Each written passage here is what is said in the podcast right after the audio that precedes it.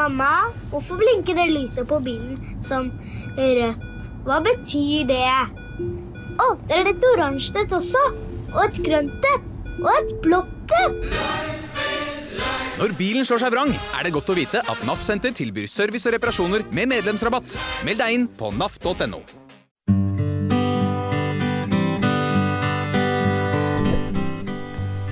Hei og velkommen til Selvmordspodden. I dag er du her med Anne Gillibrekke. Og det er ganske naturlige årsaker til at jeg sitter aleine her. Det er eh, en pandemi. Og det er også at jeg hadde en del tanker som jeg tenkte jeg skulle dele med deg. Temaet i dag er én dag av gangen. Er det mulig? Eller er det nok?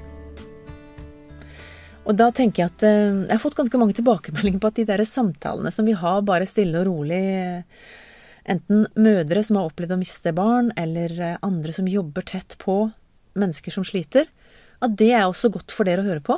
Så da får jeg se litt om dette blir noe som jeg har lyst til å poste. Men jeg tror jeg har sagt til dere før på Selvmordspodden at eh, til nyttår så hadde jeg ett nyttårsløfte til meg sjøl. Og det var at i 2021 så skal jeg ta én dag av gangen, ikke mer. Og jeg vet ikke hvorfor jeg ble så veldig bestemt på akkurat dette her, men, men jeg har fulgt det veldig. Og jeg har sett meg tilbake og tenkt mange ganger åssen hadde min januar og februar sett ut hvis ikke jeg hadde bestemt meg for det der? For det har vært ganske heftig. Og nå sier jeg ikke at jeg har noe verre enn noen av dere, for mange av dere sliter big time. Men det der med å Til og med på kalenderen så tenker jeg bare kvelden før, så begynner jeg å kikke. Ok, det er dette jeg skal i morgen. Setter opp en liten plan. Og så tenker jeg nå kommer jeg så langt som jeg kommer i forhold til det jeg har bestemt. Og så er jeg fornøyd med det.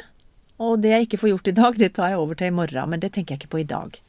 Det er veldig små marginer på de greiene med denne pandemien, for eh, plutselig er det én person inn i en bedrift, i en skoleklasse, eh, en butikk, en liten enhet, et kontorlandskap, som blir smitta.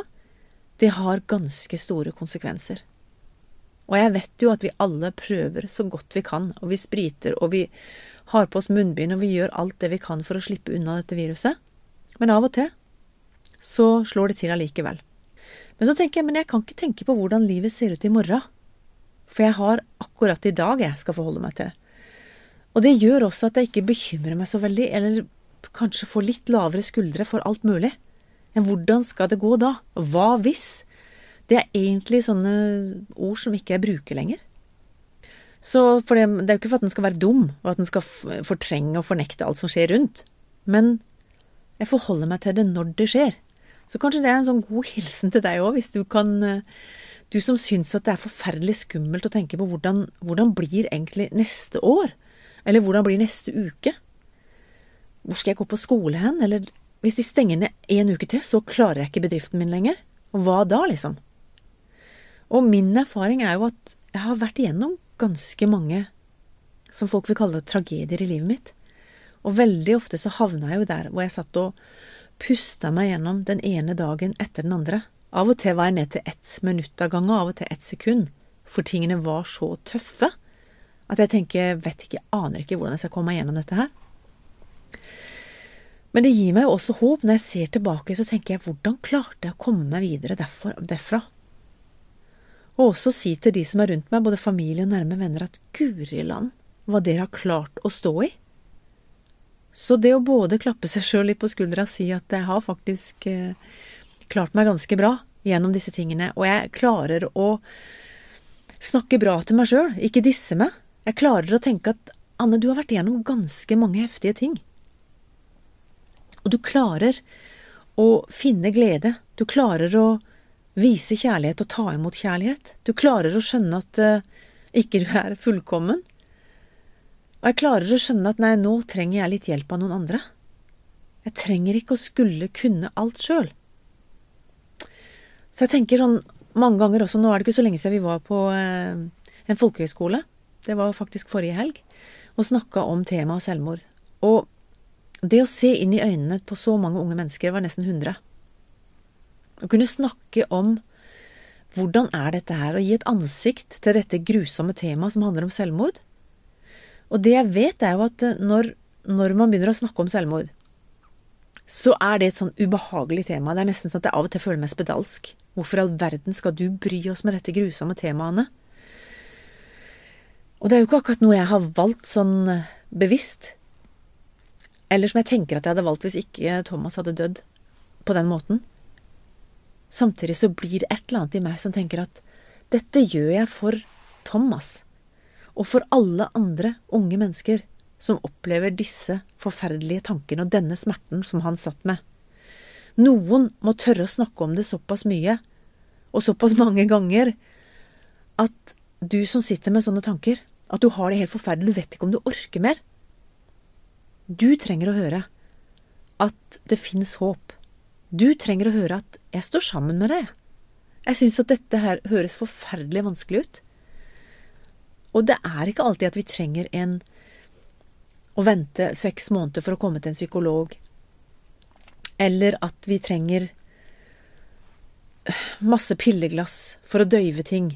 Av og til så gjør man det. Jeg skal ikke disse noe av disse tingene, men jeg tenker at kanskje det du trenger mer enn noe annet, er et menneske som sier Vet du hva, det her høres beintøft ut. Jeg skjønner at du sliter. Men kanskje det hjelper bare å få prate om det med meg? Jeg skal sitte her, og jeg skal lytte.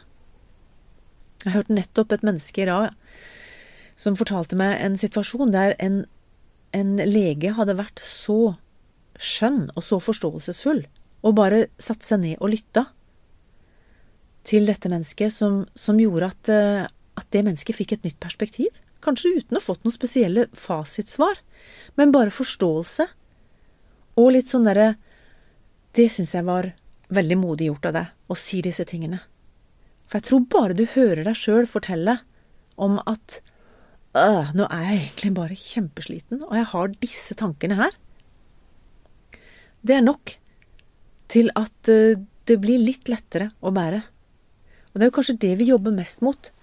Jeg har vært litt sånn der, Hvis jeg har opplevd tøffe ting, så har jeg brukt alle forsvarsmekanismer som fins. Jeg har vært fornekting og for, Altså benekting og fortrengning. Og flykte. Og rasjonalisere. Nå kan jeg ikke alle disse her utenat lenger, jeg har undervist om det, men, men veldig mange av de der forsvarsmekanismene for å komme meg unna fordi at jeg makta ikke å stå i det, så da var det bedre å bare tenke 'dette har ikke skjedd med meg'. Dette skjer ikke, og da kan jeg gå videre.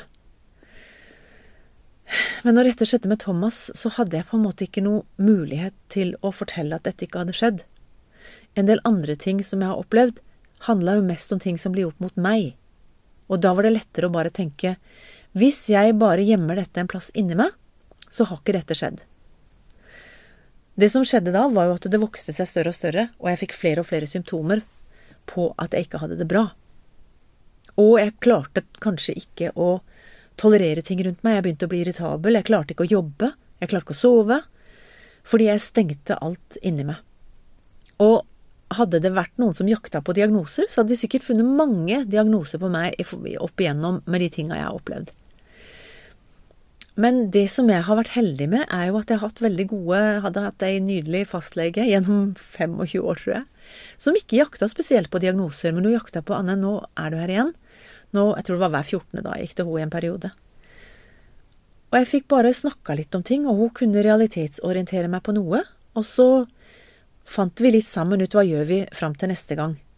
Og det gjorde jo at jeg hadde et sånn holdepunkt i livet. Jeg hadde et sunt menneske som klarte å se ting rundt meg. Eh, som gjorde at jeg klarte å stå i disse vanskelige tingene. Jeg klarte også å til slutt komme til en erkjennelse om at eh, jeg måtte forandre på en del ting. Jeg måtte gjøre noen veldig tøffe valg. Komme meg bort fra noen mennesker. Så jeg anbefaler deg på det varmeste, i denne her korona-vinter, evigvarende vinter for noen av dere, tøffe situasjonen hvor ikke dere veit om dere har jobb i morgen, dere vet ikke om dere har penger til å betale for verken husleie eller eller eh, skolegang videre, eller at du klarer å sørge, forsørge familien din videre. Kanskje alt det som du har gleda deg til, alle drømmene du har hatt, de er liksom parkert en eller annen plass i en krok, for det er jo ikke aktuelt å tenke på det. Kanskje i dag skal være dagen hvor vi kan plukke, kikke, plukke fram den drømmen litt og, og kikke litt på den. Hva er det egentlig jeg har lyst til? Og jeg kan kjenne at en av mine drømmer, som jeg snakka litt med de rundt meg om nå i det siste, at det, Det jeg har egentlig mest lyst til å jobbe med nå, eller har lyst til å bruke mest tid på, det er jo det som absolutt ikke er betalt i selskapet mitt. Og det handler jo om akkurat podkasten.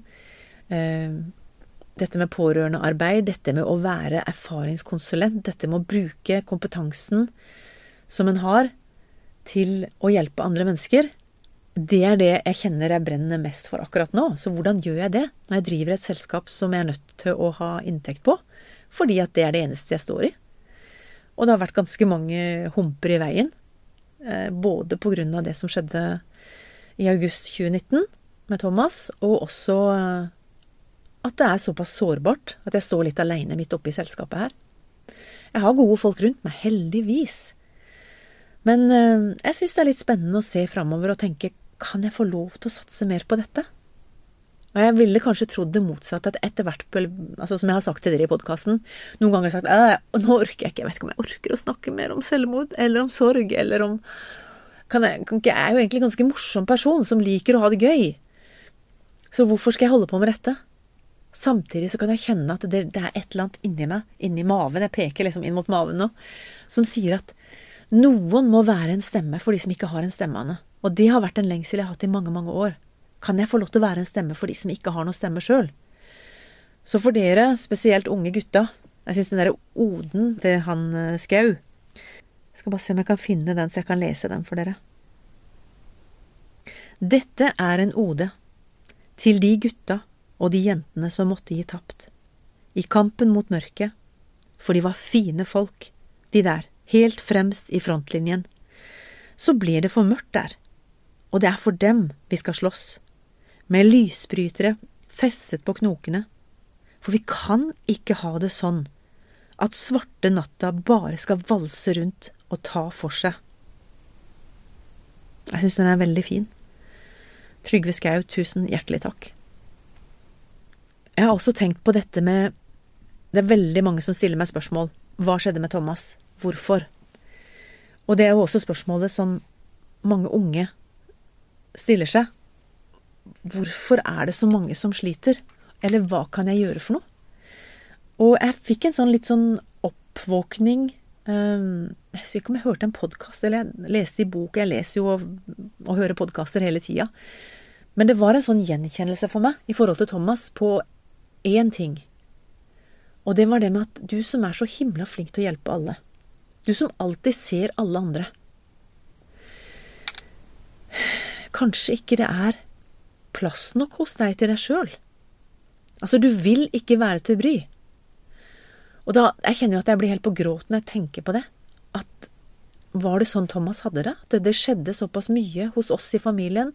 Det var mye uro rundt, ikke sant? Og han ville på en måte ikke være til bry, så da blei det til at han bare tok de tingene og putta de en eller annen plass. På samme måte som jeg har gjort med en del av mine ting. Så det der med å være åpen Vi var jo en åpen familie som snakka om masse ting. Opplevde jeg sjøl. Samtidig så har vi hatt en sånn svakhet kanskje i det å være så sterke. For det er en ting som jeg har lyst til at du skal kanskje ta med deg av denne lille podkasten her, at det er ikke alltid så smart å være den som er så sterk. Og jeg vet jo, jeg har sånn bilde av at jeg liksom har stappa ting ned til jeg kjente at det var nesten som en isklump i maven, for jeg skulle bare ikke snakke eller si til noen åssen jeg egentlig hadde det. For det var så mange rundt meg som trengte mye mer både av min tid og oppmerksomhet enn akkurat dette. Så det har tatt meg ganske lang tid å, å tørre å ta fram og litt, ta litt plass sjøl. Nå kan noen si at hallo, du driver jo masse TV-kanaler, og du er jo virker jo ikke som du er redd for noen ting. Nå har jeg jo kanskje fortalt dere om akkurat mitt møte med frykten som var veldig, veldig bokstavelig. Og det er jeg veldig takknemlig for. At ikke At jeg hadde dette møtet med frykten, hvor jeg fronta en veldig tøff situasjon rett fram og tenkte nå orker jeg ikke å gå rundt og være redd for disse truslene lenger. Og det har jo gjort mye med meg at jeg tenker det er mye bedre å bare face det heads on, sjøl om jeg føler at jeg kommer til å Jeg vet ikke om jeg er sterk nok til dette, jeg vet ikke hva som konsekvensene kommer til å bli. Men jeg kjenner at det er litt sånn jeg lever livet også. Når ting blir for vanskelig, så tenker jeg da bare facer jeg det, da. Og så har jo all erfaringa mi sagt at ja, men vet du hva? Det går ganske bra, dette her. Jeg overlever dette også. Så det å ikke være så redd for å Om det er det skumleste du kan tenke deg, å gå og snakke med en nær venn om at dette er tanker som jeg går med.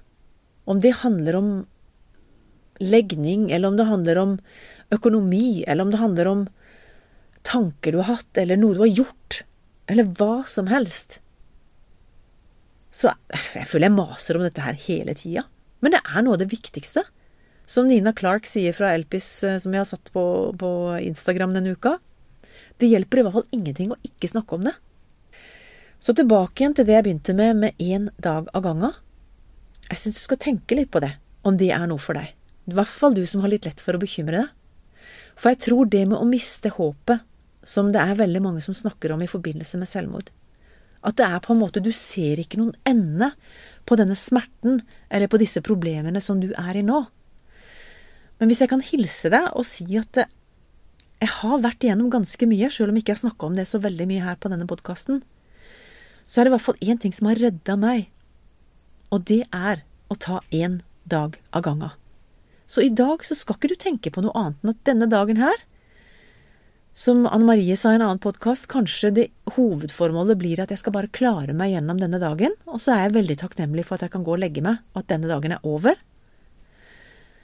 Eh, men i hvert fall at du tenker at jeg skal ikke bekymre meg for i morgen, eller neste uke, eller neste måned, eller i hvert fall ikke neste år. For mange er jo der at det er det de bruker all energien på den dagen, bruker de på å bekymre seg om det som ligger foran. Og jeg tror at ikke vi er designa til å skulle ta mer enn én dag av gangen. Så både i går og dag har vært ganske tøffe dager her, men jeg kjenner at jeg får en sånn ro med at ok, her er den lange lista som jeg skal gjennom i dag, og jeg vet ikke så veldig mye om hvordan morgendagen ser ut, men jeg vet at i dag hadde jeg veldig lyst til å lage en liten podkast og prate med dere. Og så har jeg veldig lyst til å ønske deg lykke til, du som skal ta ett steg med å være åpen. Finn en person som du har tillit til. Ikke tenk at du må vente til du får time hos psykologen. Finn en person som du vet har støtta deg tidligere, og som ikke kommer med en forferdelig fasit. En lang liste av ting. Du må gjøre sånn og sånn og sånn og sånn. Men en person som du vet du kan lene deg litt til. Og min erfaring er at det er ikke flinke Anne som får de næreste relasjonene og som opplever mest omsorg. Det er faktisk en Anne som tør å by på svakheter, masse ting ikke jeg får til, kanskje griner jeg foran folk, og så opplever jeg at de menneskene som jeg virkelig ønsker å ha i livet mitt, de er de som tåler det. Å se meg fra forskjellige vinkler, og se mine svakheter, og ikke disse meg for det. Og for deg som er veldig ung, så vet jeg at det er beintøft å være 14, 15, 16, 17 år i dag. Kanskje spesielt dere jentene. Og noen av dere er kanskje de som skal kontrollere alle rundt dere, og som skal fortelle dem hvordan de skal oppføre seg, og som alle andre må på en måte innrette seg etter, det er ikke veldig bra for deg å være der. Og det er nok et, en, et smerteuttrykk for deg også å være der hvor du må ha kontroll på alle vennene dine. Det er veldig, veldig slitsomt, og det er også veldig slitsomt for de rundt deg. Så hvis du tenker at det er det som gjør at du skal bli veldig kul og, og populær, så er ikke det sant. Og for deg også, som kjenner at du ligger under for type kontroll av andre mennesker, at du må please de hele tida, og hvis ikke du oppfører deg akkurat som, som det de forlanger, så, så, kommer du til å gå under, eller du kommer til å miste alt det du har. Det er ikke sant. Det fins andre mennesker. Jeg har lyst til å bare være en som står opp for deg. Som sier at nå er det tid for deg til å tenke hva du har lyst til, hva dine drømmer er. Og kanskje også er det tøffe valg å ta avstand fra mennesker som du tenker at ikke du kan klare deg uten som kommer til å disse deg, eller kommer kanskje til å baksnakke deg. Men det er ikke verdt det å være i en relasjon med mennesker som ikke vil deg vel. Så tør å kjenne litt mer på magefølelsen, og tør å stille deg spørsmålet om at er denne personen egentlig god i livet mitt? Er denne personen en person som jeg kan stole på, som, har, som er virkelig glad i meg, som kommer til å stå med meg, og som jeg har lyst til å stå med resten av livet? Kanskje er det akkurat det du skal tenke litt på i dag. Og så kanskje ikke du skal ta et veldig stort avgjørende valg i dag, men kanskje i morgen eller dagen etterpå. Det viktigste er jo at vi ikke blir stående stand by bestandig og tenke at jeg holder pusten, jeg, til den dagen kommer da korona er borte, eller jeg har fått jobben min igjen, eller jeg har masse penger på kontoen min, eller jeg har sletta gjelda mi. For i dag så har du muligheten til å ta noen valg som gjør at du får det bedre i morgen.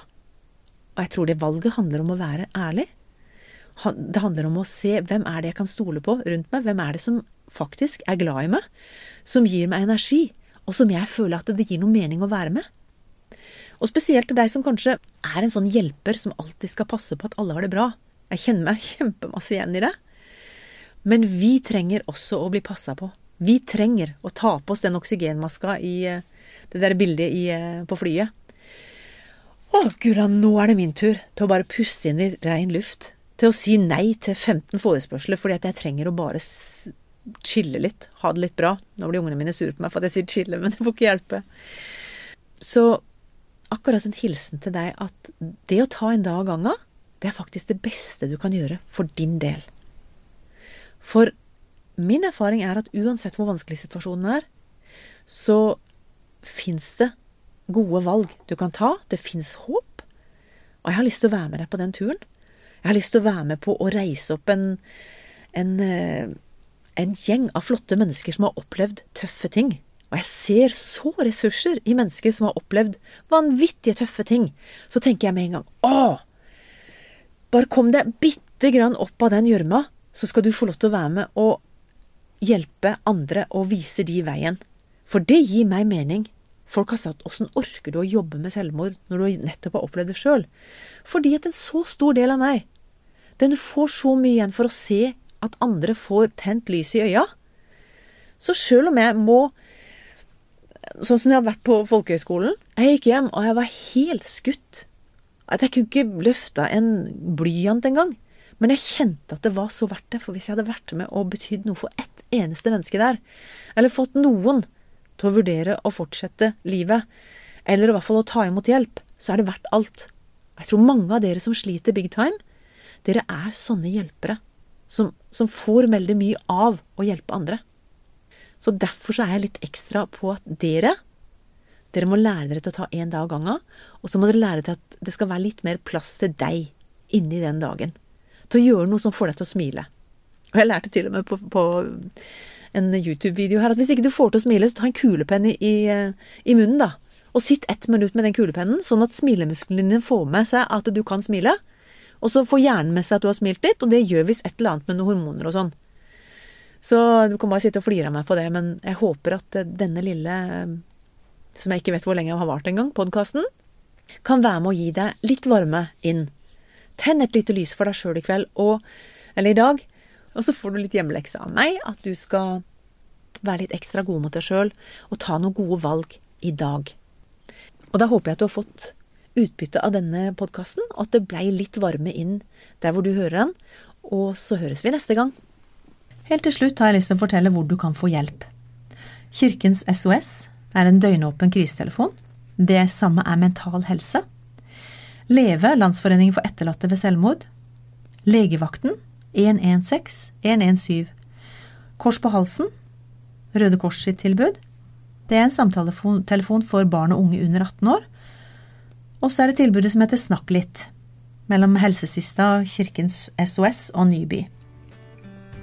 Helt til slutt har jeg bare lyst til å takke deg for at du har vært med på denne episoden, og ønsker deg alt godt videre. Velkommen til Kjemperådet! Ohoi! Vi har fått inn et kjempekleint problem fra Trine Lure 22. Ok. Jeg leser. De to andre i kollektivet mitt har begynt å date, og jeg syns det er veldig kleint når vi skal se på TV sammen, og de bare skal kline. Ok, ja, Hvordan skal hun løse dette? Siden Trine Lure er under 30, får hun jo ubegrenset data fra Telenor fra 399 kroner. Da Da kan hun sette seg på sitt eget rom, streame så mye hun vil på mobilen. Ja, hun kan jo se på nye mobilabonnement på telenor.no. Ja, det er lurt.